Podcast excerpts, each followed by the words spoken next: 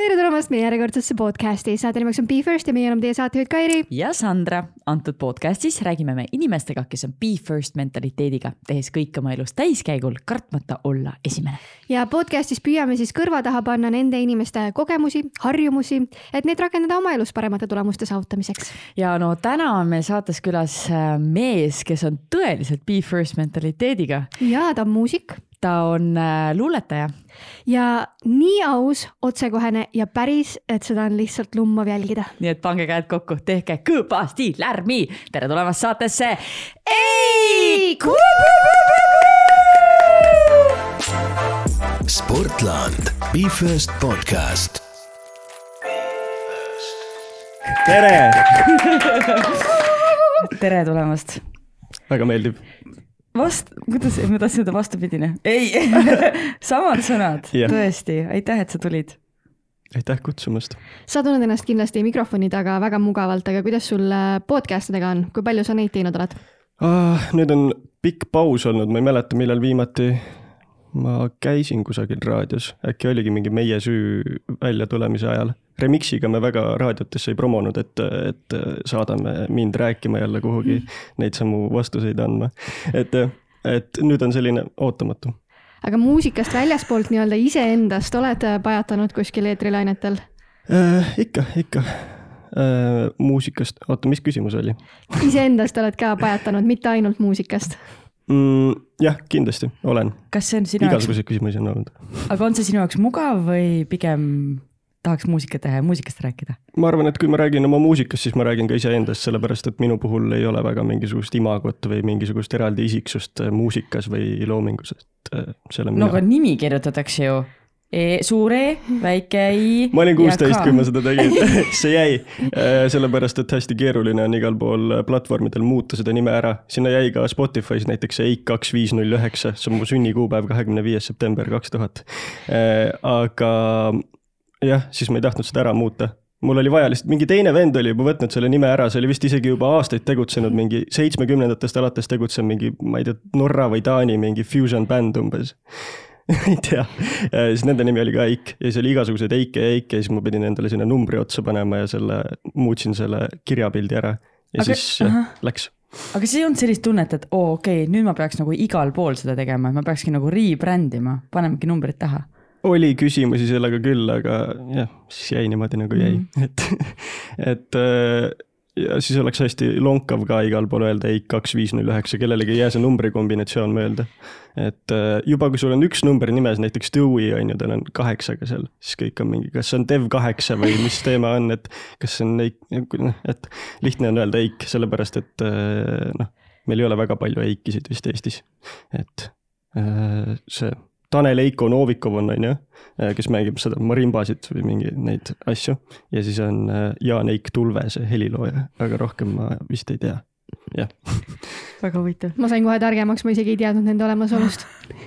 aga no. sa ütlesid, et ei ole justkui, et sa ei ole endale karakterit loonud. kas see on teadlik otsus või see on lihtsalt niimoodi läinud? see on lihtsalt niimoodi läinud, sellepärast et kui ma mingi seitsmendas klassis alustasin muusikaga, siis äh, siis ma tegin väga enda põhjal seda, ma ei tahtnud nagu mingisugust tegelast sinna taha luua. Mm.. mul oligi see, et teised tegid mingeid asju juba, et mulle tundus, et kõigil on mingi oma asi ja siis ma mõtlesin, et mis on minu asi. ma olin nagu hästi pikalt teinud, kirjutanud sõnu ja siis ma tahtsin nagu nalja teha nende tollaste väikeste mingi räpparite üle kusagil ja siis ma hakkasin ise tegema nagu alguses paroodiana omamoodi, siis inimesed võt-, võtsid seda kohe hästi tõsiselt, siis ma olin mingi, aa, ma hakkan ka tõsiselt võtma, hakkasin räigelt räppi kuulama siis üritasin nagu jäljendada seda ja siis sealt läks, et äh, see imago nagu tekib ise juba, ma arvan. inimesed nagu tõlgendavad seda, kuidas ma käitun kusagil avalikult ennast näitan, mis ma räägin, mis ma oma sõnadesse kirjutan ja siis sealt juba tuleb neile ise mingisugune kujutluspilt minust. et jah see on samamoodi mina. kõik PR-agentuurid, kes muusikute nii-öelda imagodega tegelevad, hoiavad praegu peast kinni, ei, see on meie poolt kureeritud kõik aga me hakkasime juba jutustama, aga tegelikult meil on ju esimeste mäng, millega me alati alustame mm -hmm. podcast'i, nii et äh, Sanju, soovid alustada mm? -hmm. ja kes meid esimest korda praegu kuulavad, siis äh, meie alustame lauset, sina lõpetad selle ja me räägime sinu esimestest. ja tuletame nüüd meelde, mis oli sinu esimene kord laval? esimene kord laval ma arvan, et no see ei olnud päris lava, aga äh, kui ma mõtlen praegu, siis mingi neljas klass äkki oli koolis mingisugune loovkirjutamise võistlus vist, et kas mingid jutukesed või, või luuletused või mingi sihuke teema. ja ma sain sellest vist samal päeval teada, kui neil oli nagu see finaalvoor või midagi sellist ja siis ma kirjutasin kähku mingisuguse luuletuse mingisugusest jänesest ja põdrast ja mingi teema seal oli. ja siis ma läksin sinna kohale, ütlesin, ma tahan ka lugeda, siis ma lugesin selle ette ja siis nad andsid mingi auhinna mulle. et see oli esimene kord, ma olin kooli peegelsaalis äh, VHK-s seal äh, teisel korrusel ja siis esinesin mingisugustele äh, teistele pätakatele ja õpetajatele. kas see siis on nagu selline läbimentaliteet su elus, et aa, eelvoorud ma olen otse finaali ja nõuan. ma ei olnud sellest enne kuulnud lihtsalt, et seal selline võistlus üldse toimus ja siis ma tahtsin ka teiega osaleda, et äh, jah. ei kuulnud lihtsalt, see oli selline olukord, jah, aga esimene kord nagu siis hiljem äkki oligi mingi seitsmes klass kooli Vaba Laval kusagil. see oli alati selline kümne inimeste asi tegelikult ja mina tulin seitsmendast, siis ma sain nagu selle eelise, selle mingi väikese poisi eelise, et kõik olid mingi, vau, mis ta nüüd teeb, mingi seitsmendik, hakkab räppima oota, mis see, mis see üritus siis oli, oli...? VHK Vaba Lava. ahah, nii yeah., ja mis see tähendab? Äh, VHK-s on põhimõtteliselt, see on nagu güm-, gümnaasiumiõpilased korraldavad iga sügis ja kevad vist. ja siis äh, ongi, kõik saavad ennast sinna lihtsalt kirja panna ja minna esineda ükskõik millega et noh, samamoodi nagu, no okei okay,, kolmekümne teises näiteks on Playbox, kus nad teevad neid, lipsüngivad neid äh, teiste inimeste lugusid, aga jah, seal on Vaba Lava on väga teemas. kas sina tundsid ennast kohe laval siis vabalt ka või oli mingisugune pinge ka? hea sõnamäng äh, ma ei tea, alguses oli palju neid olukordi, kus mul läksid äh, sõnad sassi ja siis ma hakkasin nagu äh, siis vabariimis põhimõtteliselt seal rääkima, kuidas siis mul on sõnad sassi läinud ja et leppige sellega, et ma olen mingi esimest korda siin laval. et neid olukordi oli esimeste mingi kahe-kolme aasta jooksul väga palju, et aga ma arvan, mul on see tähelepanuvajadus, mis alati nagu surub tagant, samas ma räigelt kardan inimestega suhelda ja siis see ongi, et saad sinna lavale minna ja ennast nagu välja elada. et jah aga siis ikkagi, siis mul tekib küsimus, et kas siis nagu see Eik, kes on laval, on kuidagi teine sellest Eikist näiteks, kellega me praegu siin räägime mm,? no kindlasti, kui sina lähed lavale, siis sul on samamoodi, ma arvan, et kõik me, see on, see on erinevad need maskid, mida me kanname. et äh, jah, ja mingisugused maneerid, mis on juba nagu nüüd külge harjunud, mida ma laval teen automaatselt juba alateadlikult äh,. mis ma olen avastanud, et nagu toimivad nii minu kui teiste publiku jaoks, et jah Need on kaks erinevat, aga need on erinevad minu nagu vormid nii-öelda siis ma mõtlen, et kui Sandra on laval, siis sa oled lihtsalt nagu võimendatud versioon iseendast. kas sul on samamoodi, et sa oled lihtsalt nagu võib-olla natukene nagu volüümi juurde pandud? jah, ma arvan küll, et see adrekas ja mingisugune nagu et ei vali nii palju sõnu võib-olla, et kui mingisugune emotsioon tuleb täiega välja, siis ma ütlen selle välja või et mingi ülikõva. mida ma tegelikult näiteks kusagil sõprade või isegi võõraste inimeste seltskonnas kusagil avalikus kohas, ma arvan, ei ütleks et äh, siis, kui mul on see moment, et ma saan lavale astuda ja inimestele esineda, siis ma ka päriselt esinen, sellepärast et ma ei taha neid alt vedada ja ma ei taha ennast alt vedada, et, et äh, see oleks lahe ikkagi kõigile. no ilmselgelt inimesed armastavad sinu esinemisi, aga räägime korra sinu esimesest armastusest. kas sa mäletad armastus. seda? ma ei mäleta, ma arvan äh, kui võtta kuidagi metamalt seda asja, siis esimene armastus äkki oli loodus mu kodu ümber. me elasime kakskümmend viis kilomeetrit Tallinnast Arukülas. Äh, ja siis meil oli kodu ümber hästi palju nagu mingeid metsatukakesi ja siis ma sellepärast suhteliselt hakkasingi kirjutama. ja ma kaheksa-aastaselt kusagil hakkasin päevikut pidama ka ja siis ma mäletan, et okei okay,, mingi esimese armastuse teema oli siis see, et meil olid peretuttavad ja siis nende Äh, lapsed ja siis neil oli tütar, kes oli nagu minuga sama vana. ja siis äh, me hängisime hästi palju ja siis mul oli mingi hetk, ma olin oma päevikusse kirjutanud, et ma olen vist temasse nüüd natuke armunud, kuigi ma ei teadnud, mis asi see siis täpselt on. tahtsin hängida temaga. et ma ei, ei tea aga su see kõige esimene armastus, loodus, kas see on nüüd siis kuidagi selja taha jäänud, kui sa siin äh, linnas pead pesitsema või? pisut küll, alati on nagu ma ütleks, et mul on hästi palju mingisuguseid neid vastuolusid ja puntraid, mis ma ikkagi pean veel lahti harutama enda sees, sest et mul on täiega see, et kogu aeg tahaks kuhugi metsa vahele minna, aga samas äh, ei nagu hoian ennast tagasi, et ma ei teeks seda. või noh, et tahan ikkagi kodus siis istuda ja teha mingisuguseid tööasju ja siis ma ei lähe kuhugi. no trenniga samamoodi näiteks, et ma ühel hetkel tuleb mingisugune äh, periood, kus ma olen hästi ärev ja siis ma saan aru, et see on sellepärast, et ma ei liigutanud.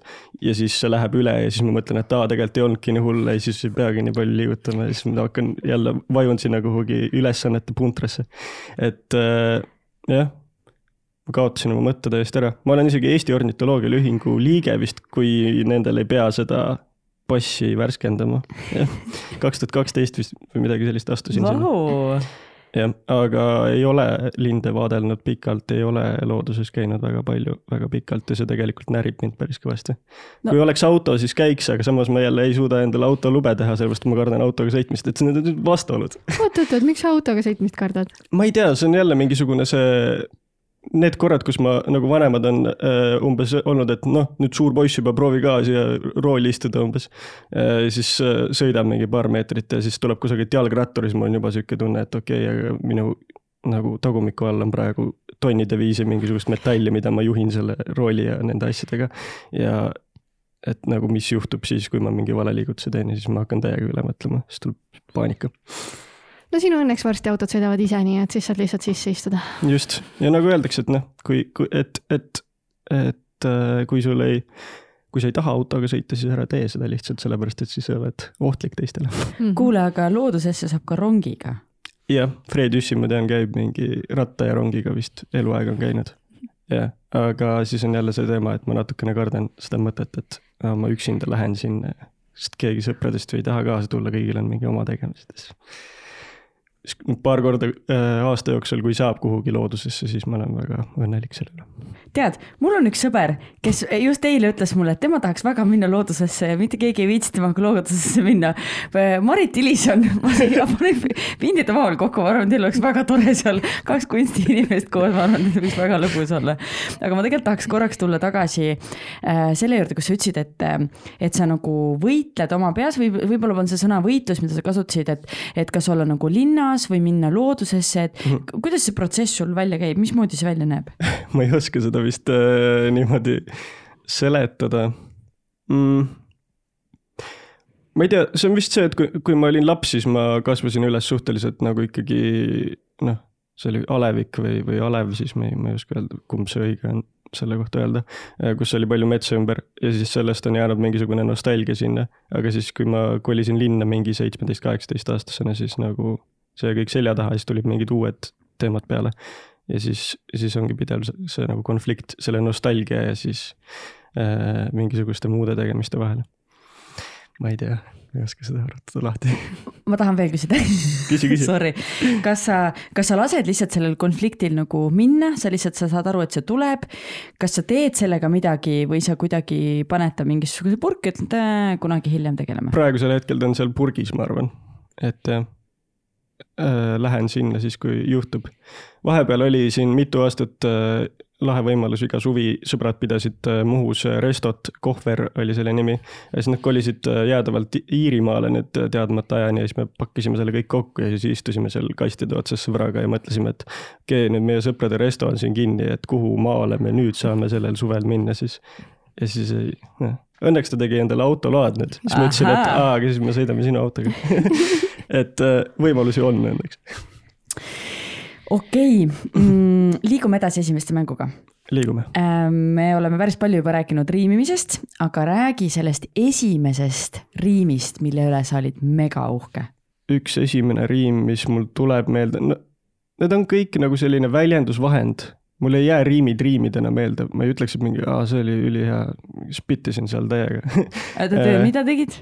Spittisin, sül-, sülgasin sõnu, äh, aga üks esimesi riime, mis, mis minu meelest oli väikesena mingi seitsme-kaheksa-aastasena kirjutasin selle, oli umbes, et äh, mingi linnud lendasid lõunamaale, tegid nagu suure kaare, lendasid üle Lõunasaare. Mingi sihuke riim oli seal, see läks mu sügise raamatusse, kus mul olid kuivatatud lehed ja kõik värgid ja pildid ja jah, ja see oli üks esimesi, mis mulle meelde on jäänud kohutav, aga, aga jah.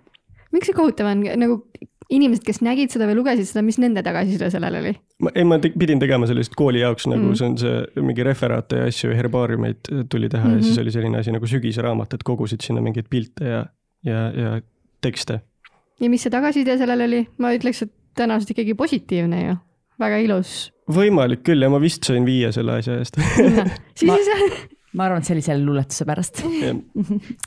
Aga kui sa mõtled praegu oma, oma riimidele praegusel hetkel, siis äh, kas hüppab midagi pähe, mille üle sa oled niimoodi mõtled nagu what the hell, kuidas ma selle peale tulin? sest et ma, miks ma seda küsin, on see, et ma noh, mina olen sinu muusikat kuulanud ikka juba, juba ma ei tea, kolm, kolm-neli aastat vähemalt, et et iga kord, kui ma kuulan, ma mõtlen, et kuidas ta tuleb selle peale, see on nagu nii clever sõrma, nende sõnade mäng praegu, mismoodi üks inimene selle peale tuleb aga ma mõtlen teiste inimeste tarkade tekstide üle täpselt samamoodi, ma arvan. et eh, see kõik tuleb kusagilt väljastpoolt mu mingisugusest alateadvusest. ma just mõtlesin äh,, arutasime sõbraga ka, et kuidas juhtub see, et sa näed tänaval mingit täiesti võõrast inimest ja siis äh, lähed magama pärast ja siis ta on su unenäos nagu mingi peategelane lihtsalt umbes ajab noaga taga sind ja, ja see on mingi täiesti suvaline võõras inimene, kelle nägu sa nägid ühe korra vilksamisi kusagil hobujaamas umbes. et äh, seesama teema on, ma arvan, tekstide kirjutamisega ka, et need tulevad lihtsalt kusagilt alateadvusest, on jäänud sinna meelde ja siis ma kõnnin umbes tänaval ja, ja, ja hakkab mingisugune tekst nagu peas jooksma, esimesed paar rida tulevad või mingisugune rütm või riim tuleb sealt ja siis ma kirjutan selle üles ja ma ei saa ise ka alguses päris täpselt aru, et kust see tuli. keegi just küsis äh, äh see, ma tegin selle Instagrami selle küsitluse, et küsige küsimusi, äh, Q and A. Äh, siis keegi küsis, et mis värk sul kodulaenuga on, siis ma korra ei saanud aru ja siis mul jõudis kohale, et mul eelmise plaadi peal oli nagu mitmes loos märgitud ära kodulaen umbes, et tahaks olla tavaline mees puhastava keskea kriisi kodulaenuga või siis, et mingi kümme aastat kodulaenu, mis lapiks su tühjast ja korvaks enda otsa, ei vaata oma vaevu, keegi teine võib teha meid korda.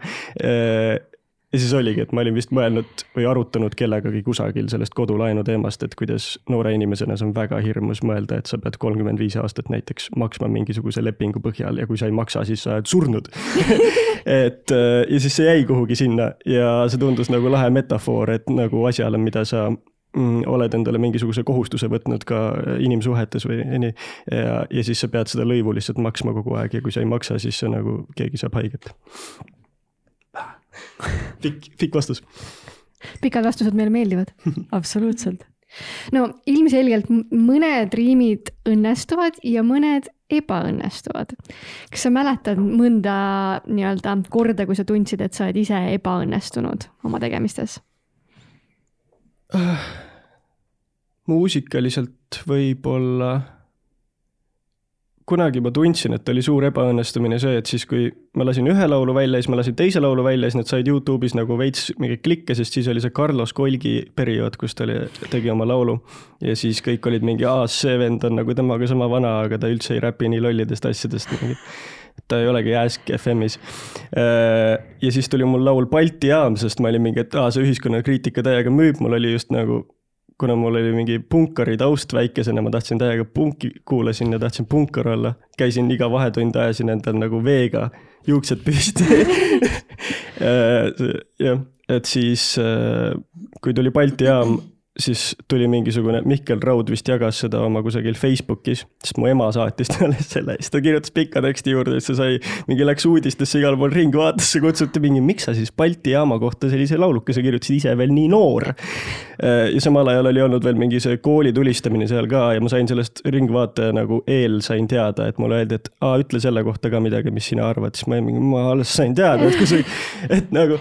ja siis anti kohe sihuke haige kõlapind, hästi paljud inimesed kuulasid, hästi paljud hakkasid kohe materdama, et äh, laps on loll, mingi sotside propaganda umbes, mis Balti jaamas on kõik hästi, alati on olnud niimoodi. ja siis äh, see oli nagu see peak ja siis kadus see tähelepanu. ja siis ma hakkasin seda nagu järk-järgult aastate jooksul uuesti üles ehitama ja siis alguses ma arvasin, et see on haige nagu ebaõnnestumine siis, et mul oli see one hit wonder ja nüüd ma tegingi selle ära ja nüüd ei tule enam ühtegi nagu, keegi ei taha kuulata enam mind ja miks ma üldse teen seda. aga siis ma lihtsalt jätku, jätkusuutlikult nagu või nagu kangekaelselt läksin edasi, edasi, edasi ja nüüd nagu olen jälle ennast kuhugi üles ehitanud vist. aga mis see oli, mis sind tol hetkel pani uuesti siis nagu ehitama? kas sa, kas oli see mingi sisekõne, olid mingid mõtted, olid need mingid eesmärgid? ma arvan, ma tundsin lihtsalt, mul ei ole mingit muud varianti nagu, sest et ma, mul ei olnud ühtegi muud asja, millega ma oleksin, saaksin lahe olla, et äh, ma teadsin, et ma oskan sõnadega nagu mängida. ja, ja see oli, mul mingisugune platvorm oli seal juba tekkinud ja ma tahtsin seda veel avastada, et äh, siis ma lihtsalt lo lootsin ja uskusin, et keegi mingi hetk ikkagi märkab. ja sõbrad ka toetasid hästi palju ja siis tuli igasuguseid nagu, oligi, et publiku tähelepanu nagu kadus, aga siis hakkasid mingisugused vanad kalad, alguses mingid hip-hopi vennad ja siis nagu mingisugused äh, OG muusikud äh, avastama ja nagu suhtlema ja siis ma sain sellest nii palju innustust juurde lihtsalt, et nagu, et okei okay,, võib-olla praegu veel ei kuula palju inimesi, aga, aga nendele vendadele meeldib ja nende muusikat kuulatakse palju, et äh, siis ma uskusin lihtsalt sellesse. Mis sulle tundub, mis see läbimurre oli? Äh, nagu pärast seda? jah. yeah.. Ma ei tea, seal on olnud iga, igasuguseid väikeseid läbimurdeid. oli noortebänd kaks tuhat kuusteist, siis oli seal, sain finaali, sellega oli päris kõva, siis tuli äh, see nime muutus, sest mul enne oli nimi E, EXT, EIXT.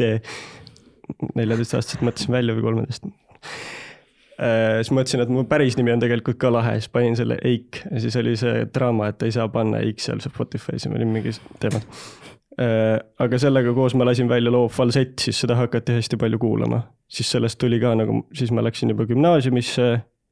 sealt tuligi mingisugune väike nagu mingi cult following, et mingid teised gümnasistid teadsid, et aa, see on see vend, kes selle Falseti tegi, siis ma hakkasin järjest neid, laksima neid plaate välja äh, siis tuli Unerohi, jälle väike läbimurre plaat, sain label'i alla, Dix Records, sealt tuli hästi palju nagu mingisuguseid ilusaid hetki.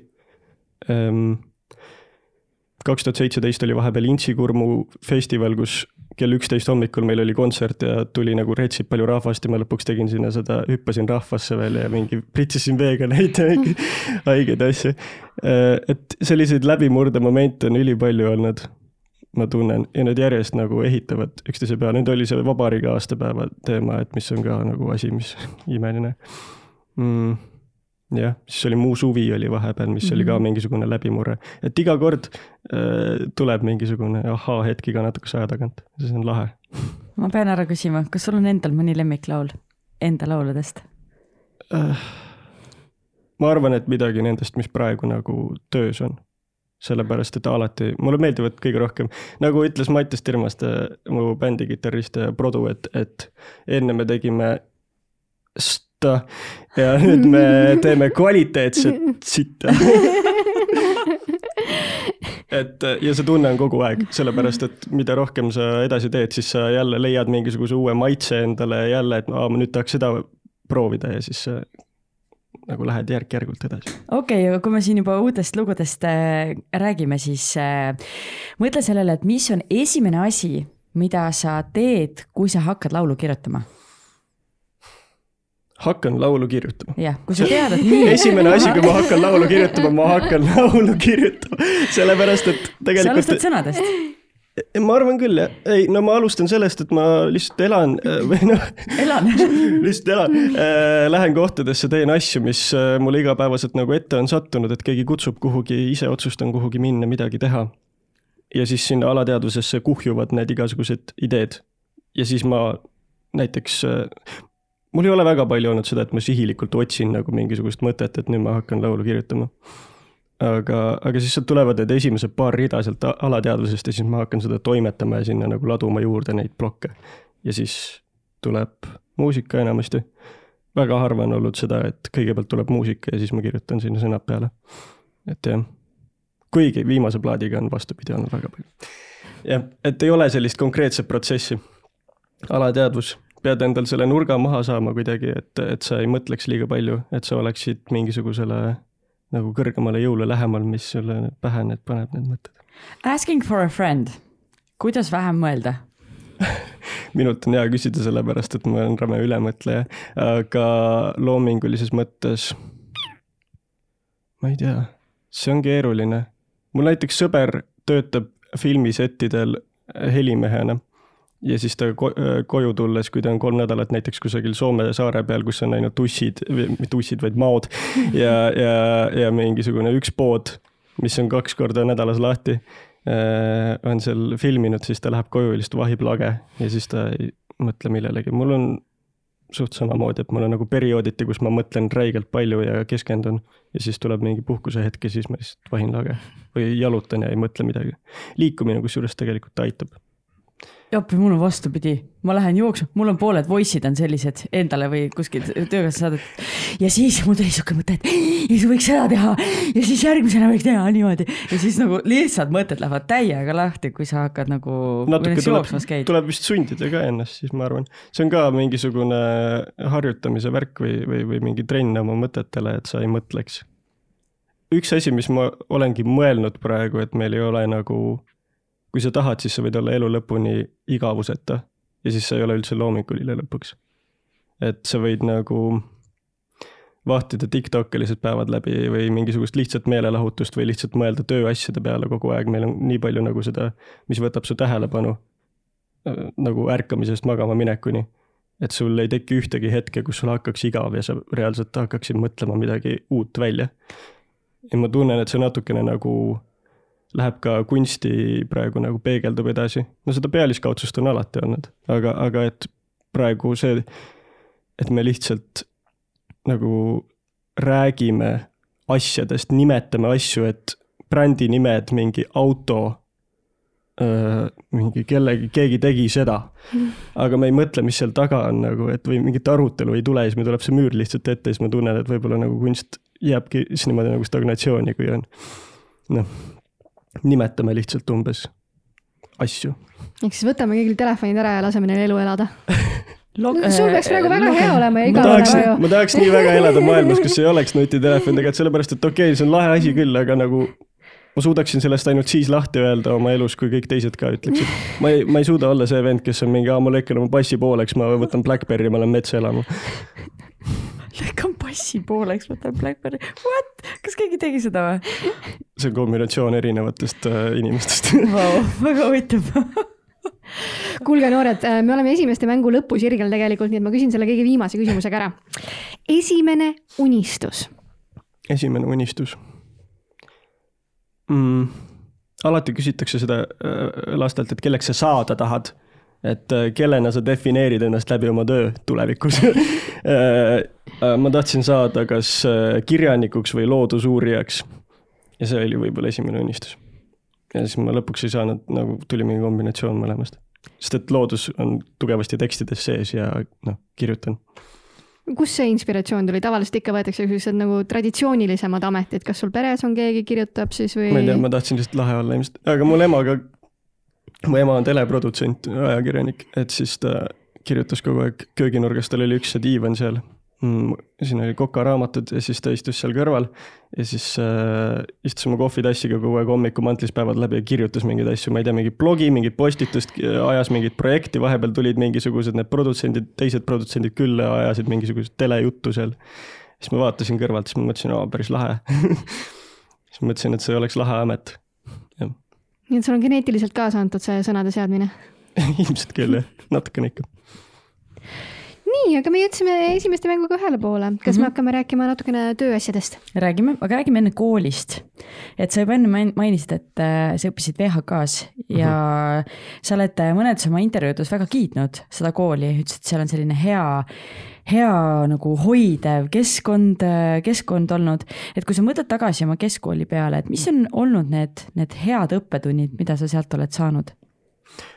ma ei tea, minu ajal jah, ma tundsin, et see on mingisugune, ma ei tea, kuidas praegu on, sellepärast et kõik nagu tajuvad erinevalt seda oma kooli. ütle ka, mis see VHK on? vanalinna hariduskolleegium ehk siis äh, jah, vanalinnas kool äh,. aga õppetundide poolest ilmselt oligi see mingi teiste inimestega arvestamine, sellepärast et kui ma väike olin, siis ma läksin lasteaeda alles viimasesse rühma nagu kuuendasse. ja siis Aruküla lasteaeda, kus olid nagu mingid kaagid kohal ja siis nad lihtsalt kiusasid mind, sest nad ei saanud aru nagu, et kust see poiss tuli ja ma ei osanud nendega suhelda ja mul oli hästi nagu imelik olla. Äh, ja siis, kui ma läksin VHK-sse, siis mul oli ka esimesed paar aastat tunne, et nagu kõik räigelt kiusavad äh, lapsed ikka kiusavad aga, aga siis mulle jõudis kohale, et tegelikult mina lihtsalt ei osanud nendega suhelda, nemad ei osanud minuga suhelda, sest kõik olid tulnud nagu teisest taustsüsteemist, et olid juba lasteaias käinud ja nagu teiste lastega koos kasvanud. Ja siis mingi hetk ma nagu harjusin sellega ära ja sain nagu sõpradeks kõigiga ja siis põhikooli lõpuks oli juba mingisugune väga nagu tugev sats tekkinud või nagu klass hoidis väga ühte. ja, ja siis tuli kümna, seal oli ma olin teatriklassis, siis meil oli see trupi nagu dünaamika, et inimesed hoidsid väga ühte, sest me pidime päevast päeva tegema koos mingisuguseid nagu koostööd nagu meeskonnatööd. et äh, ma arvan, oligi mingisugune äh, kuida-, kuidas teiste inimestega arvestada, kuidas tunda ennast mingisuguse grupi liikmena. jah see on nii huvitav, kuidas kõikide inimeste nii-öelda koolilood on täiesti erinevad mm. -hmm. kui vana sa olid, kui sa selle järelduseni jõudsid, et miks see kiusamise protsess toimub?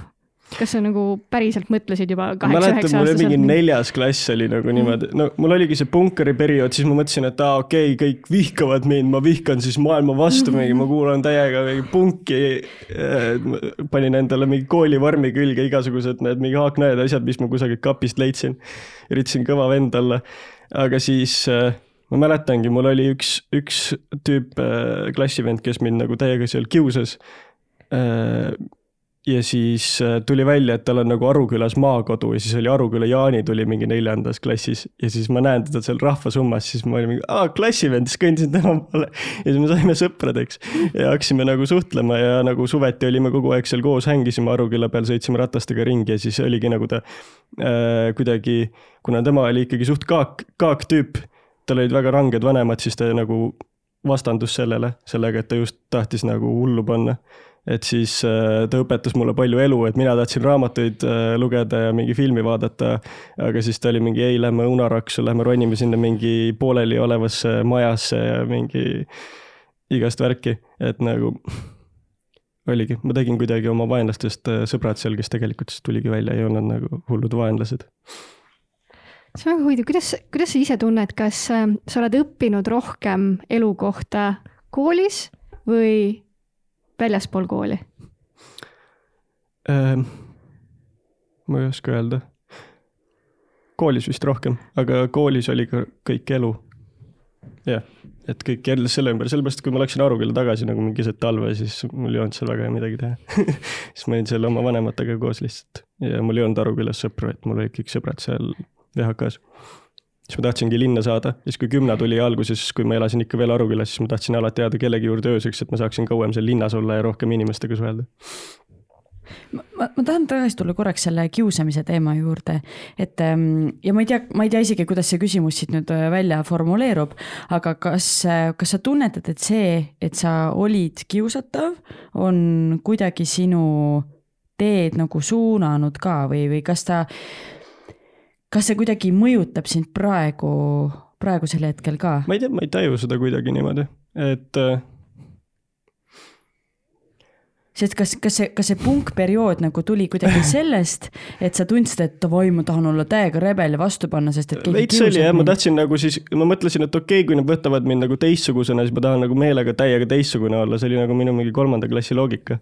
ja see on nagu võib-olla siis elus ka kandnud niimoodi, et äh, kui kui keegi on nagu, et oh, miks sa ei tee nagu hullult mainstream mussi, et see müüks palju paremini, siis ma tahan nagu meelega veel nagu eksperimentaalsemaks minna, sellepärast et ma tean, et lõpuks nagu see pikas perspektiivis tasub paremini ära. et ma arvan, see on ainus asi, mis sealt kiusamisest nagu õpit-, on, jah Kas see ei olnud ka mingi sihuke hull kiusamine, et mhm. peaga WC-potti umbes, vaid see oli lihtsalt umbes, et varastan su pastaka ära või mingi tõstan su koolikoti sinna akna taha umbes. ja siis sa otsid seda. aga siis ma nagu lõpuks hakkasin lihtsalt äh, mm, nagu siis ma olin nagu okei okay,, no siis naljakas, et siis nad nagu ilmselgelt mu reaktsioon sellele on naljakas, kui ma närvi lähen ja siis ma hakkasin seda nagu own ima, ma mõtlesin, et okei okay. et et siis ma, et siis ma reageeringi meelega üle ja siis me saame selle üle nagu nalja teha ja siis me lõpuks saime nendega sõpradeks. ja ma tunnen, et lavaolekus mul on sama teema, et ma olen tajunud, et see minu mingisugune närvilisus ja äkilisus seal laval nagu toimib, sellepärast et see on mina ja inimesed on pärast öelnud ka alati pärast kontserte, et, et äh, ma ei kujutaks ette, et sa hästi rahulikult laval oled. sellepärast, et see on just lahe siis, kui sa ei oska ette arvata, kas ma ronin nüüd tooli peale või mis iganes. ma ei ole sind kunagi laval näinud, millal ma saaksin sind järgmisena laval näha? Äh, nüüd juuni alguses paar asja tulevad, aga need pole välja kuulutatud. järgmine välja kuulutatud asi on kakskümmend üheksa juuli alles sumefestivalil Kadrioru pargis. Ma hüppan korra selle kooli asja juurde veel, veel tagasi. kas, kas on midagi, millele sa oleksid tahtnud rohkem keskenduda või praegu mõtled nagu, seda oleks pidanud küll õppima? võib-olla see, et, mm, et ei ole mõtet olla nii Äh, orienteeritud nagu saavutamisele või et sa saad mingisuguse hea hinde, sest et mul oli väga oluline, nagu ma tundsin, et mu elu halvim päev oli umbes siis, kui ma sain nelja miinuse kusagil kontrolltöös, ma tahtsin olla ülikõva äh, nagu hinnetes ja kõiges. aga siis pikas perspektiivis nagu mulle jõudis alles hiljem kusagil gümnaasiumis kohale, et, et tegelikult keegi ei vaata ju, et mis sul seal põhikooli nagu tunnistuse peal oli, see hinne. ja, ja tegelikult ma retsisin ennast selle pärast väga palju et äh, ei ole mõtet niimoodi.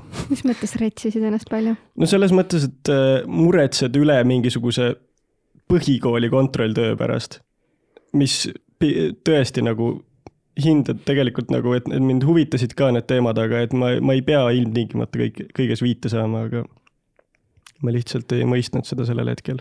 kas ülikoolis oli siis kuidagi teistmoodi?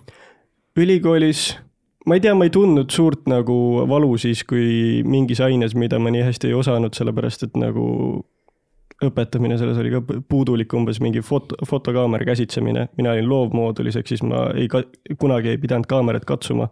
ja siis meil oli üks mingi valguse seadmine ja fotoka. ja siis meil oli umbes kolm loengut ja siis pidi juba minema profipilte tegema, siis ilmselgelt need vennad, kes tehnilises käisid ja teadsid kaameraid, kellel iga päev olid ka loengud selle kohta, siis nad said head hinded. aga siis ma sain mingi C lõpuks selle, aga siis ma mõtlesin, et vahet ei ole, nagu ma lõpetan ikka ära ju.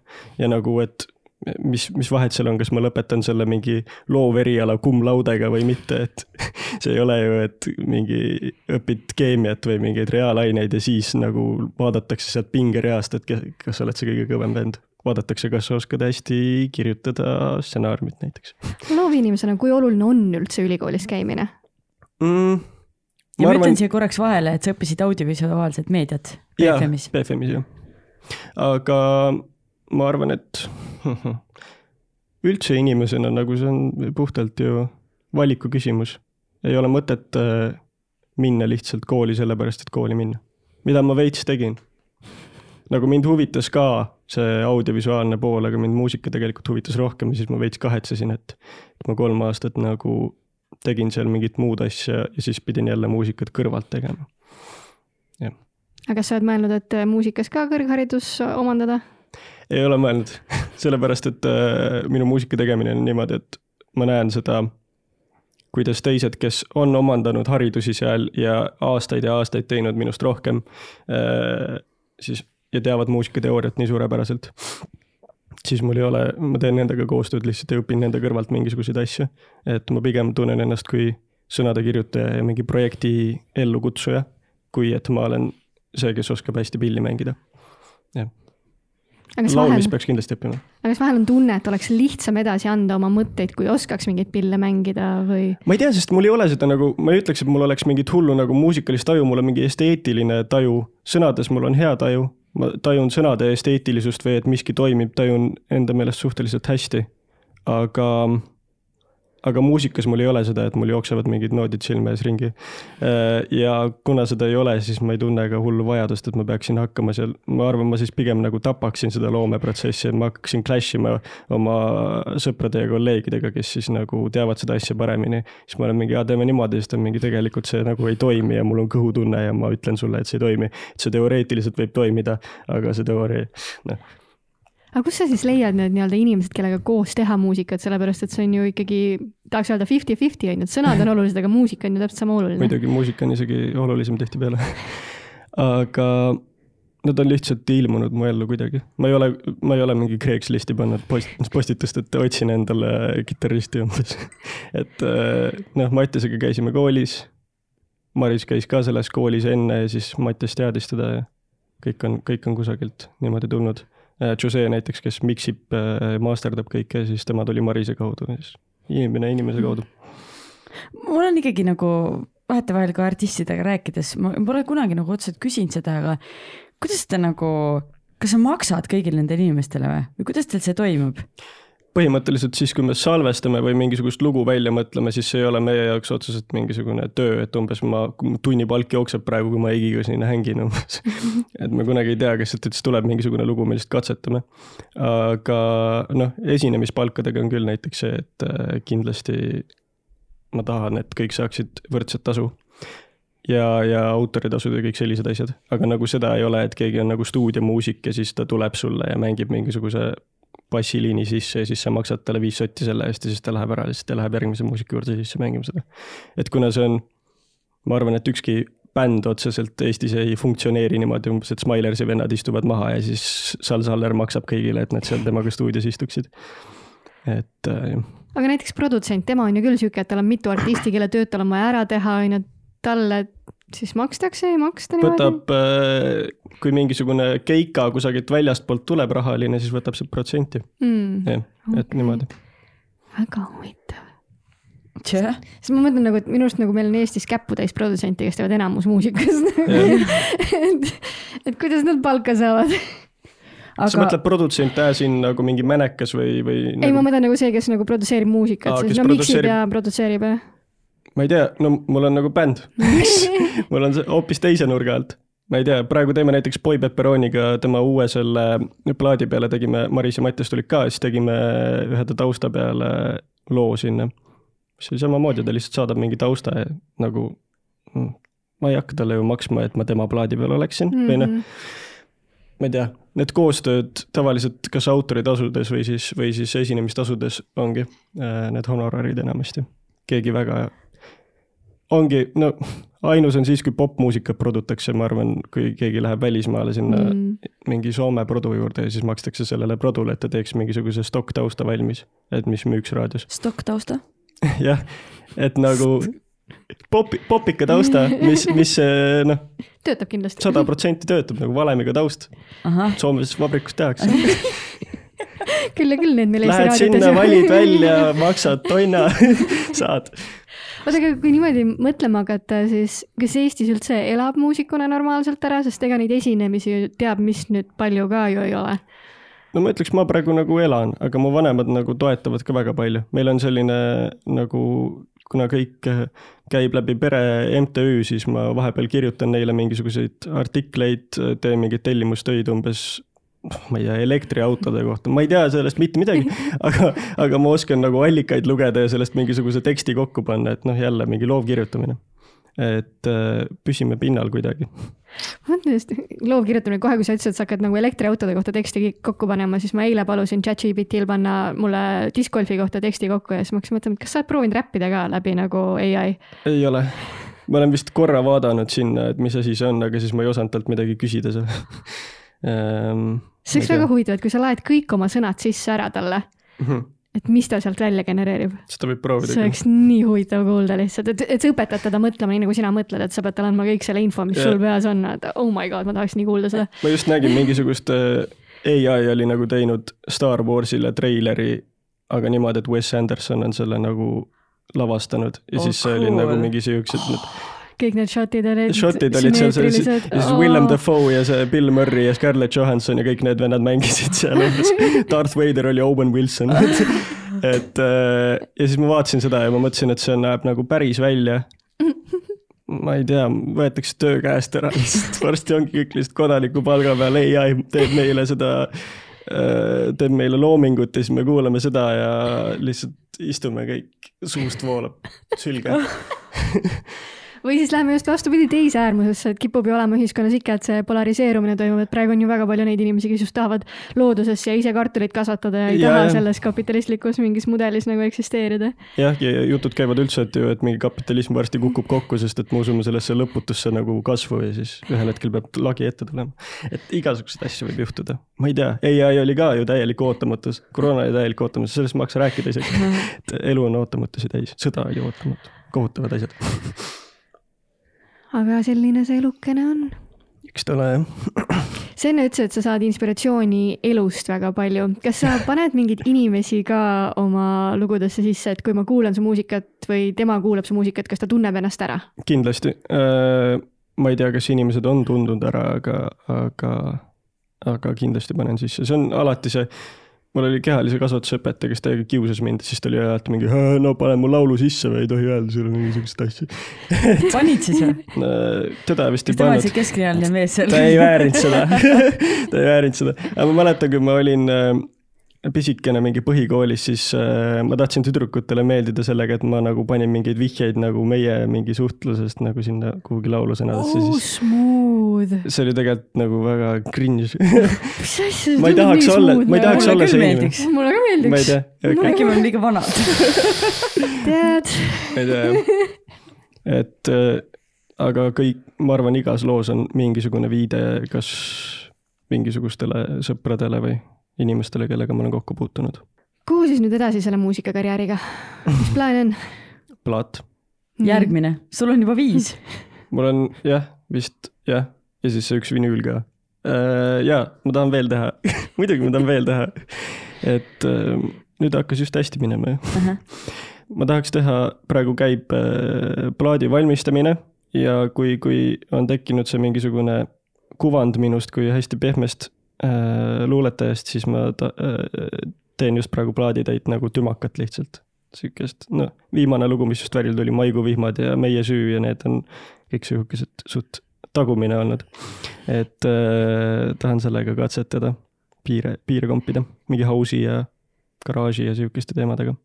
aga jah, luulekogu tahaks see aasta valmis saada. ma kogu aeg, mul on see kogu aeg seal silme ees, et ma nagu mm, mul on juba pandud ühte dokumenti need tekstid, aga ma ei ole jõudnud neid ära sorteerida, sest et sealt on vaja väga palju välja visata.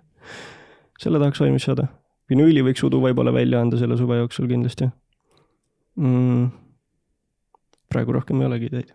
ah, ainult need asjad, okei okay., no siis küll jah. kolm asja. ja mis üldse teed üldse oma eluga? ei no sinna plaadile on ka vaja neli lugu ainult veel lõpuni teha, et see ei ole tegelikult, see on mingi paari päeva istumine kuule, aga mul on selline küsimus, et ähm, kui sa nagu võib-olla selline unistav ja natuke, natuke nagu äh, jah, unistav küsimus, siis ütleme niimoodi, et kui sa mõtled inimeste peale, kes äh, sind on inspireerinud või kes sulle väga meeldivad, kes on kuidagi sinu eeskujud ja sul on esinemine, sinu maailma parim esinemine, sa oled mm -hmm. kuskil mingi ülikõva lava peal ja kes on need kolm inimest kas siis elavad, surnud, keda sa tahaksid sinna, no võib-olla on Beatlesid. ma saan aru, sest ma lihtsalt visualiseerisin neid surnuna seal ees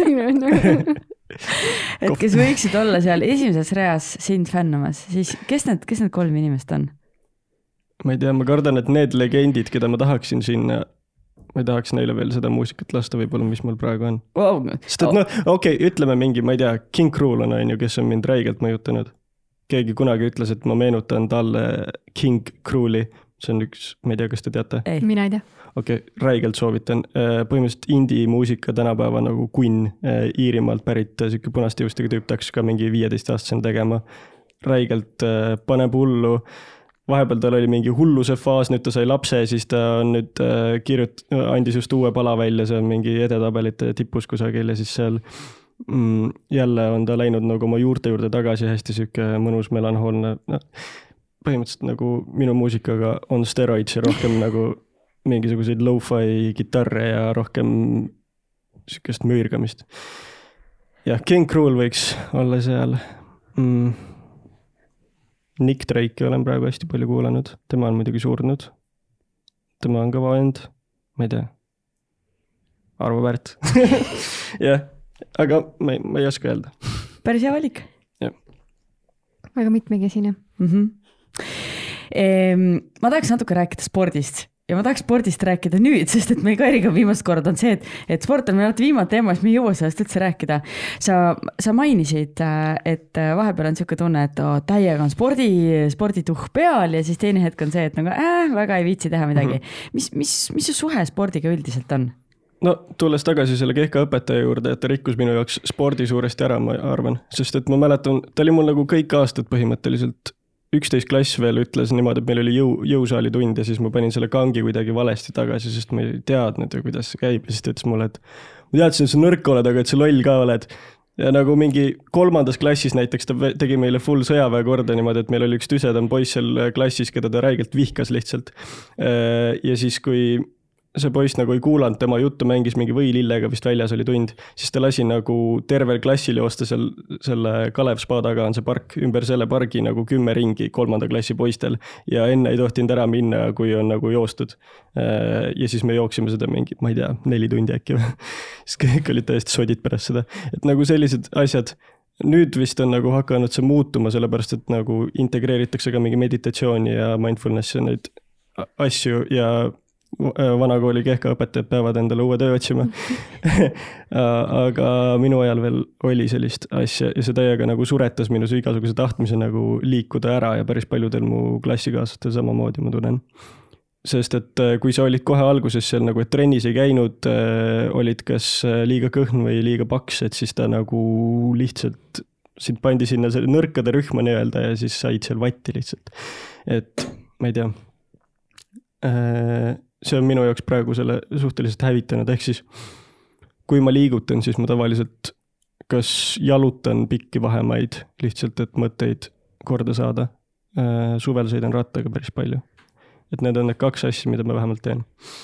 mis sa arvad, mis oleks vajalik, et ähm, saada sellest traumast üle ja leida armastus äh, spordi vastu? ma ei tea, me just nagu käisime mitu nädalat järjest äh, ühe satsiga nagu spaas iga nädal ühe korra.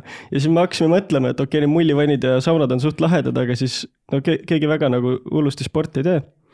aga siis, äh, et võiks hakata nagu ujumas käima, sest et see tundus, me nagu paar otsa ujusime seal ja siis tundus suht lahe, siis mõtlesime, et võiks hakata seda tegema. et äh, ma loodan, äkki see nagu päästab mind lõpuks. ehk siis sihuke õige seltskond, kellega mingit Vist, jah. asja teha. sellepärast, et nagu mul ei ole mingit trennisatsi kunagi olnud ja ma, ma ei ole see inimene, kes läheb jõuksi ja siis on seal mingite võõraste inimestega, kes on nagu tõstavad seal mingi, siis ma ei oska neid asju kasutada isegi või et lähen jooksma, see tundub ka kuidagi, ma ei tea, üksinda ei taha. üksinda tahan ainult jalutada või, või, või rattaga sõita või matkata. joosta saab mitmekesi ka. By the way. jaa, aga ma räägingi, et mul ei ole seda nagu kedagi, kellega koos joosta või, või, või mingit sihukest asja teha. et see on see koht, kus see nutitelefon tuleb kasuks, on ju, võtad oma Facetime'i, helistad Sanju, ütled, et ma lähen nüüd jooksma, oleme seltskond. jah, no need on need plokid, mis on mul enda peas. ei, kutsus mind just jooksma. ma olen Põlvas, aga ma tulen kohe. jah, et need on, need on need ilmselt mu enda peas need kõik takistused aga sa mainisid, et noh, et sa tunnetad seda, et ärevus tekib, kui ei ole liikunud. et kas sa tunned ka seda, et kui sa käid jalutamas, kui sa käid rattaga sõitmas, et siis sa oled vaimselt paremas kohas? muidugi, muidugi. mul tuleb, hakkavad kohe mõtted liikuma, nagu aju saab hapnikuda, mingi vau, niimoodi sai ka sest et nagu ja ma reaalselt pean sellega tegelema, sellepärast et mul nagu ma tunnen, et see käib lainetena, see ärevus ja see läheb lihtsalt füüsiliselt järjest hullemaks, nagu mul oli just äh, periood, kus mul tuli lampi selline ärevus nagu mingi algas sellega, et öösiti nagu tõmbab lihtsalt hinge kinni. ma räägin nüüd praegu perearsti juures psühhiaat, äh, aga et nagu sellised asjad võivad juhtuda ja siis see kandus mu päeva edasi, et ma olin täiesti nagu väsinud kogu aeg, ma mõtlesin, et mul on mingi surmatõbi küljes. Kaks nädalat järjest käisin niimoodi ringi, et pea nagu käis ringi, räme väsimus, öösiti kogu aeg, need hinge tõmbab kinni, nagu käed värisesid. ja olin nagu täiesti autis kaks nädalat, ma ei suutnud mitte midagi teha. siis ma läksin lõpuks perearsti juurde, sain aja ja siis ta oli mingi, tegi kõik testid, asjad ära ja siis oli mingi, sul ei ole midagi, D-vitamiini on veits liiga vähe, võta topeltannus. siis võtsin siis kadus ära. Ja see ongi niimoodi. Ja ma ei taha mõelda, et nagu kui ma ei tegele endaga, et siis mis nagu see järgmine kord, kui mul tuleb lampi see ärevus mingil vabal hetkel, et, et mitu nädalat ma siis out'is olen või mis siis saab nagu. et äh, see võib tõsiselt äh, füüsisega nagu pekki keerata, see, mis su peas nagu mingid puntrad tekivad aga kas sa mäletad, mis, kui vana sa olid, kui sul hakkasid need sellised siis need, need episoodid? oi, kus nüüd oli õige sõnakasutus ja ma ei tea, mul on, kümnest on päris palju mälestusi, aga no alguses oli lihtsalt mingi käte värisemine ja umbes mingi äh, kõht umbes valutas ja oli korrast ära kogu aeg. põhikoolis mul oli kõhuga alati mingi jama, sellepärast et ma olin nii stressis kogu aeg, et see kandus nagu kõhtu edasi aga siis äh, gümnas nagu vanemad lahutasid ja siis ma kolisin Tallinnasse ja siis äh, koolis oli ka, et nüüd hakkame lõpetama kohe varsti ja siis ma tahtsin nagu sinna panna nagu äh, sada protsenti. siis ma olingi kogu aeg nagu magasin päevad läbi, siis jäi see periood kuidagi meelde. siis tulid mingisugused paanikahoodesed ka sellel, siis nagu esimest korda. et ta nagu eskaleerus. siis vahepeal oli jälle normaalsem, nüüd on jälle hullem. et ma ei tea, ma ei tea, kuidas need asjad toimivad see tuleb täiesti tühja koha pealt, et kui sul on nagu see mingi eelsoodumus selleks, et, et äh, siis, siis, siis see võib tekkida ka niimoodi, et sul ei ole mitte millegi pärast vaja muretseda. see on nagu see, et inimesed käivad nagu tööl, stressavad räigelt palju ja siis tuleb puhkus ja siis nad jäävad haigeks kohe. mul on sama asi ärevusega. vahel jään haigeks ka et nagu topelt. aga kas sa nendel teemadel arutad ka kellegagi? no mu ema on räme ärevik, et siis ma räägin temaga päris palju ja oma pruudiga räägin ka päris palju sellest. Et nad nagu Äh, tajuvad seda asja ja mul oli, no Mattias Tirmastel samamoodi kitarristil siis oli äh, puukentsefaliit kümna mingi viimases klassis, ehk siis ta kuidagi nibin-nabin nagu selle pool aastat tegi järele ja lõpetas ka koos meiega ära. ja siis tal on siiamaani nagu sellest jäänud mingi ärevus, äh, sest et ajukeemia läks lihtsalt pekki.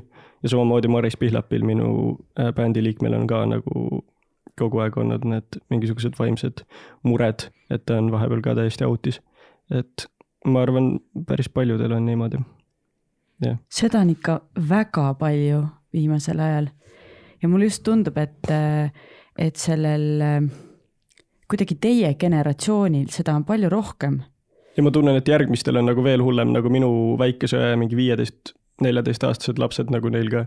et äh, nüüd on, ma tundsin, et nagu kui meie käisime gümnas, siis meil oli tegelikult suht nagu chill või nagu keegi ei muretsenud liiga palju üle peale nende ärevike. aga, aga tema klassikaaslastega näiteks ja tema endaga ma vaatan, kuidas lapsed nagu äh, jälle see, et mingi ma pean saama viie, ma pean olema number üks ja kui ma ei saa, et siis ma lihtsalt mingi tapan ära ennast. et nagu selline mentaliteet ja siis võtavadki väikesed lapsed juba mingeid antidepressante, sest et keegi ei oska sellega midagi nagu ma ei, ma ei tea, kust see nagu, ilmselt ongi see, et me tarbime nii palju mingisugust meediat ja näeme, et nagu kusagil on mingisugune ilus elu. ja, ja siis samal ajal seda on nii palju, et siis seda nagu on raske kuidagi hoomata. et kuidagi tekib see võrdlusmoment siis või? ma arvan jah jah, ja samal ajal see, et nagu kogu aeg ajule laksib mingisugust uut infot peale, siis sa ei saa mitte midagi aru, lihtsalt sa oled nagu sassis omadega. et ma ei tea ma ei oska öelda ka, kuselt, kust see tuleb, sest ma ei ole mingi neuroloog aga samas üks asi, mida enamus neuroloogid ütlevad, et tõepoolest esimene nii-öelda ravi on liikumine. jah nii et äh, kui Sportland esitaks sulle mingi väljakutse, et sa mingi spordiala üles korjaksid, siis äh, mis spordiala see võiks olla? ma arvan, see võib-olla olekski ujumine äkki. jah Ironmani tiimidesse kindlasti oleks vaja ujujaid ma arvan, et Gregor Sirgiga annaksin päris ägedat content'i luua, noh. Mõtleme selle peale veeriimid, ujulariimid. aga see on jumala hea koht, kus tegelikult mõelda, sest noh, sa ju ujud ringi ratast lihtsalt, ütleme mm -hmm. mingi viiskümmend ringi on ju, see on yeah. ikka, jõuab mõelda neid sõnu. jep isegi mina riimin enam-vähem basseinidel, mul on küll nagu see, et meele, meel, meeles pidada, mitmes ring on, et siis ma tegin riime endale, aga ma mäletan sama asja, et nagu kui ma koolis pidin käima ujumistunnis, siis äh, olid mõned sellised arvestused, et sa pidid lihtsalt nagu kakskümmend viis minutit järjest ujuma niimoodi, et jalgu põhja ei pane mm. -hmm. ja siis äh, pan-, panen selle selili lihtsalt rahulikult ja veits igav ka, nagu oleks selles mingi MRI masinas umbes, et sa ei tohi yeah. liigutada kakskümmend mintsa nüüd ja midagi teha. siis lihtsalt paned selle ja siis mõtled, hakkavad mingid hoopis uued ideed tulema. et äh, jah. kui kellelgi on vaja igavleda, siis see on see koht, kus saab ma arvan küll aga ma korraks tulen selle, selle sinu ärevuse episoodide juurde tagasi, et mida sa nendel hetkedel täpsemalt teed, et kuidas sa ennast maha rahustad mm.? noh, hingamisharjutused on üks väga hea asi. kas sul on mingid kindlad hingamisharjutused või lihtsalt? no näiteks hingad? mingi ruuthingamine, et, et äh, neli korda siis äh, sisse ja välja ja siis need pood-, ma ei oska, ma ei mäleta, kuidas täpselt oli, ma praegu mhm. pingeolukorras tuleb mm. -hmm. sisse, hoiad, välja, hoiad. just mm. -hmm. Yeah mõtled nagu ruut mm. -hmm. aga jah, et nagu hingamine tegelikult mõjutab kõige, kõige rohkem seda alati uh, -huh. sest et kui sa hingad rahulikult, siis su keha on ka mingi äh,, okei okay,, davai, tõmbame rahulikumaks, rütm läheb, pulss läheb kohe alla. et jah ja tegelikult, kui me hingamisest räägime, kas ma võin korra selle ära rääkida siin või okei Räägi., sest et see on minu jaoks olnud ka väga-väga huvitav teema, ma olen ka ise, ma olen ka keskmisest ärevam inimene ja ma olen ka ennast suutnud nagu rahustada just läbi hingamiste ja siis ma uurisin rohkem, et, et kuidas see hingamine toimib. et ähm, nüüd mõni neuroloog kuulab, mõtleb nagu, et okei okay,, mis see naine räägib seal, aga suures pildis meil on nagu närvisüst- või nagu närvisüsteemil on, on, meil on somaatiline, parasümaatiline närvisüsteemi osa mm. -hmm. somaatiline on siis see, mis on, mis, mis aktiviseerub siis, kui me oleme ärevad, see, see on see, see on see jookse, põgene, põgene see närvisüsteemi osa, eks ole.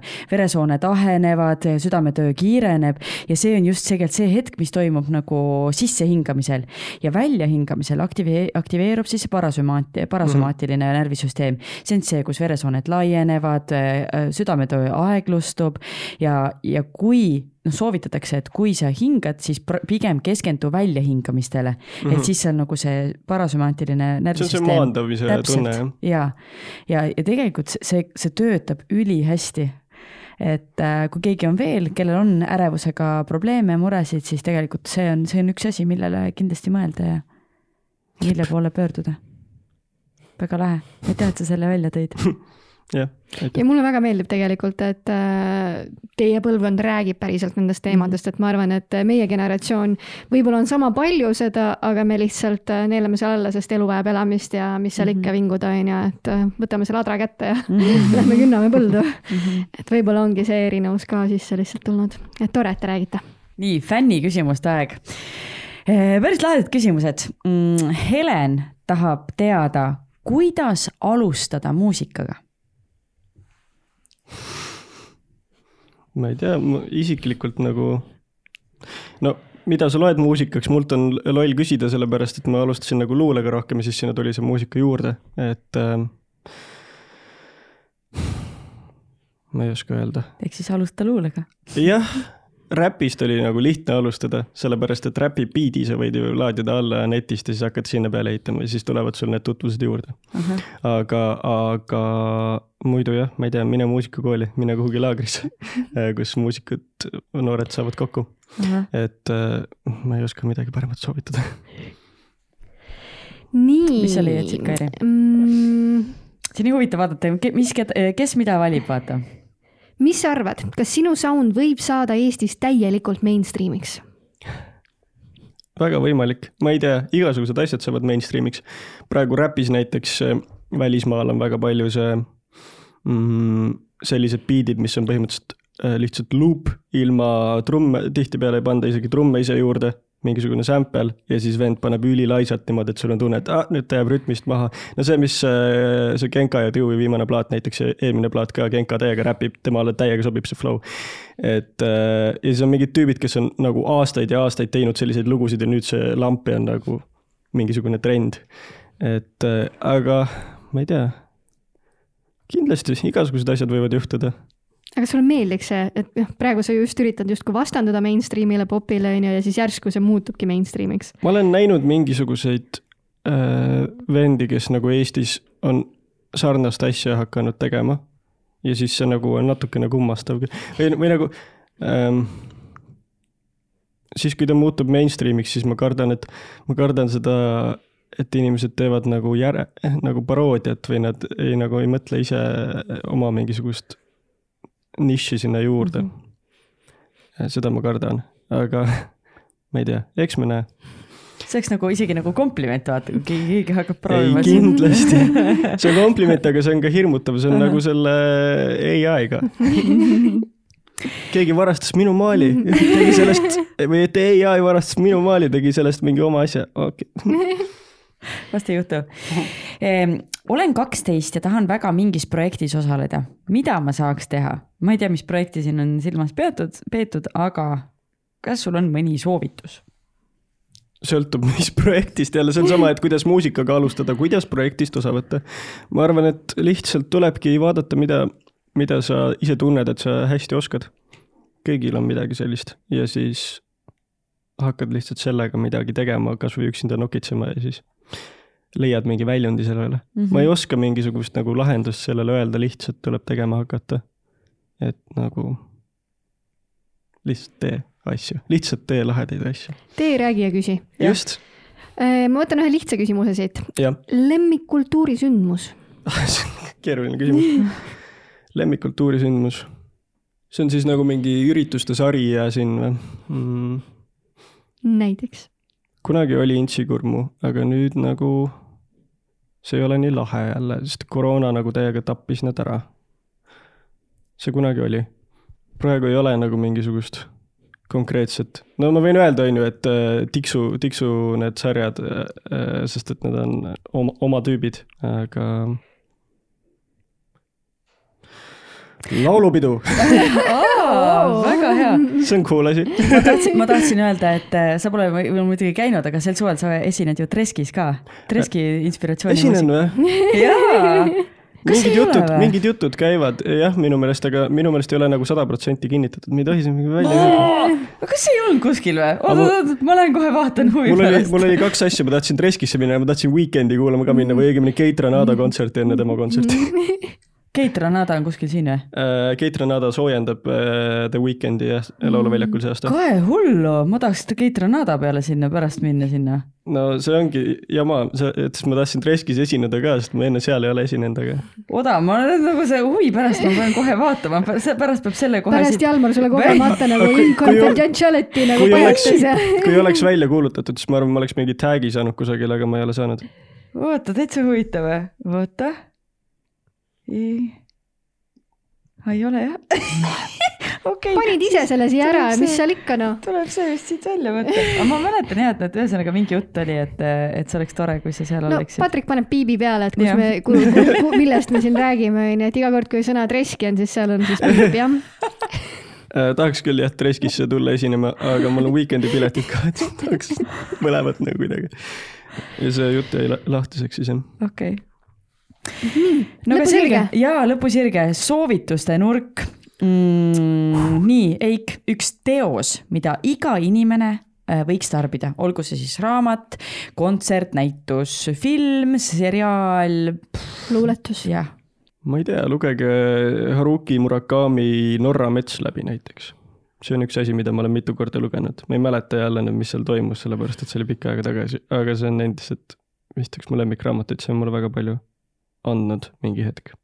see on imeline omadus, sest sa saad seda raamatut iga kord lugeda nagu justkui uuesti, sest sa ei ja mäleta. ma mõtlengi, ma mäletan, et Jaapanis olid mingid teemad seal, mingisugune väga nagu psühholoogiline mingi inimsuhete värk, aga ma ei mäleta jah, täpset süžeed. aga siis see nagu, sealt tuli väga palju mõtteid mulle, mis ilmselt on siiamaani mul tekstides kajastuvad niimoodi, et ma ei tea, et need on sealt võetud. nii, üks hetk, mida iga inimene võiks kogeda. mingi keskkonna vahetamise hetk äkki, ma just käisin Islandil ise ja ma ei olnud neli aastat vist, no Soomes korra käisin ühel konts-, kontserdil seda kuulamas, aga muidu äh, noh, siis oli see reisiärevuse teema ka, et ma ei taha nagu kuhugi välismaale minna, aga siis Islandil kindlasti tahtsin ära käia ja tekkis see võimalus, siis ma läksin sinna ja siis see andis mulle nii palju nüüd, ma olin üheksa päeva seal ka. niimoodi, et ma olin kolm päeva alguses nagu ei teinud põhimõtteliselt mitte midagi, nagu harjusin keskkonnaga ja siis edasi nägin seda loodust ja kõike, see oli võimas, et äh, tuleb kasvõi see, et sa lähed, lähed nagu mingisuguselt ürituselt üksinda kuhugi eemale suvel või varasügisel või kevadel ja siis äh, õhtul oled seal vaikuses, et nagu mingi vahetad keskkonda. see on lahe. ja üks oskus, mille iga inimene võiks ära õppida. oskus. ma arvan, et siis võib-olla empaatiavõime või teiste inimestega arvestamine. see, et see, jah, et see ei ole nõme. et sa ei lähe, ma ei tea, kinno, teised inimesed on pileti maksnud ja tahavad filmi vaadata, siis sa hakkad rääkima seal valju häälega või scroll ima telefonis. mul oli palju naljakaid olukordi on sellega näiteks olnud, et üks läksin sõpruse sinna Noblessneri kinno eelmine suvi ja siis vaatasin, ülihea film oli, aga siis nagu otse siin diagonaalis üks, istus üks tädi ja chat'is Tinderis mingi mehega ja siis vaatas iga natukese aja tagant oma Instagrami kontot, vaatas, kas tal on ikka ilusad pildid seal. siis mõtlesin, et teeks nagu kähku konto endale, kirjutaks talle, et jõu, et pane üles. jah, õnneks ta lõpuks pani. aga jah, et mingisugune nagu arvestamine teistega võiks olla. see on väga hea soovitus. Nii noored, kas me pakime kokku ennast tänaseks? hakkame kokku pakkima ja aitäh, Heiki, et sa meile külla tulid, nii tore oli. me siis jääme ootama äh, selle piip festivali. võib-olla mitte kui sel aastal, siis äkki järgmisel aastal yeah.. aga ma lihtsalt tahan öelda, ma lihtsalt, no support your own on ju, Treski fest on tõesti väga-väga lahe koht, et kes vähegi suudab, palun minge sinna sel aastal. ütle mingi neli korda veel seda sõna, et saada commission'id selle eest. piivitati välja ju nii-öelda mis commission'it sa tahtsid. no äkki, äkki me saame loa, et me ikkagi ei piivita seda välja. aga tõesti suur-suur aitäh sulle, et sa külla tulid ja aitäh kõigile kuulajatele-vaatajatele ja järgmise korrani. tšau. Sportland, Be First podcast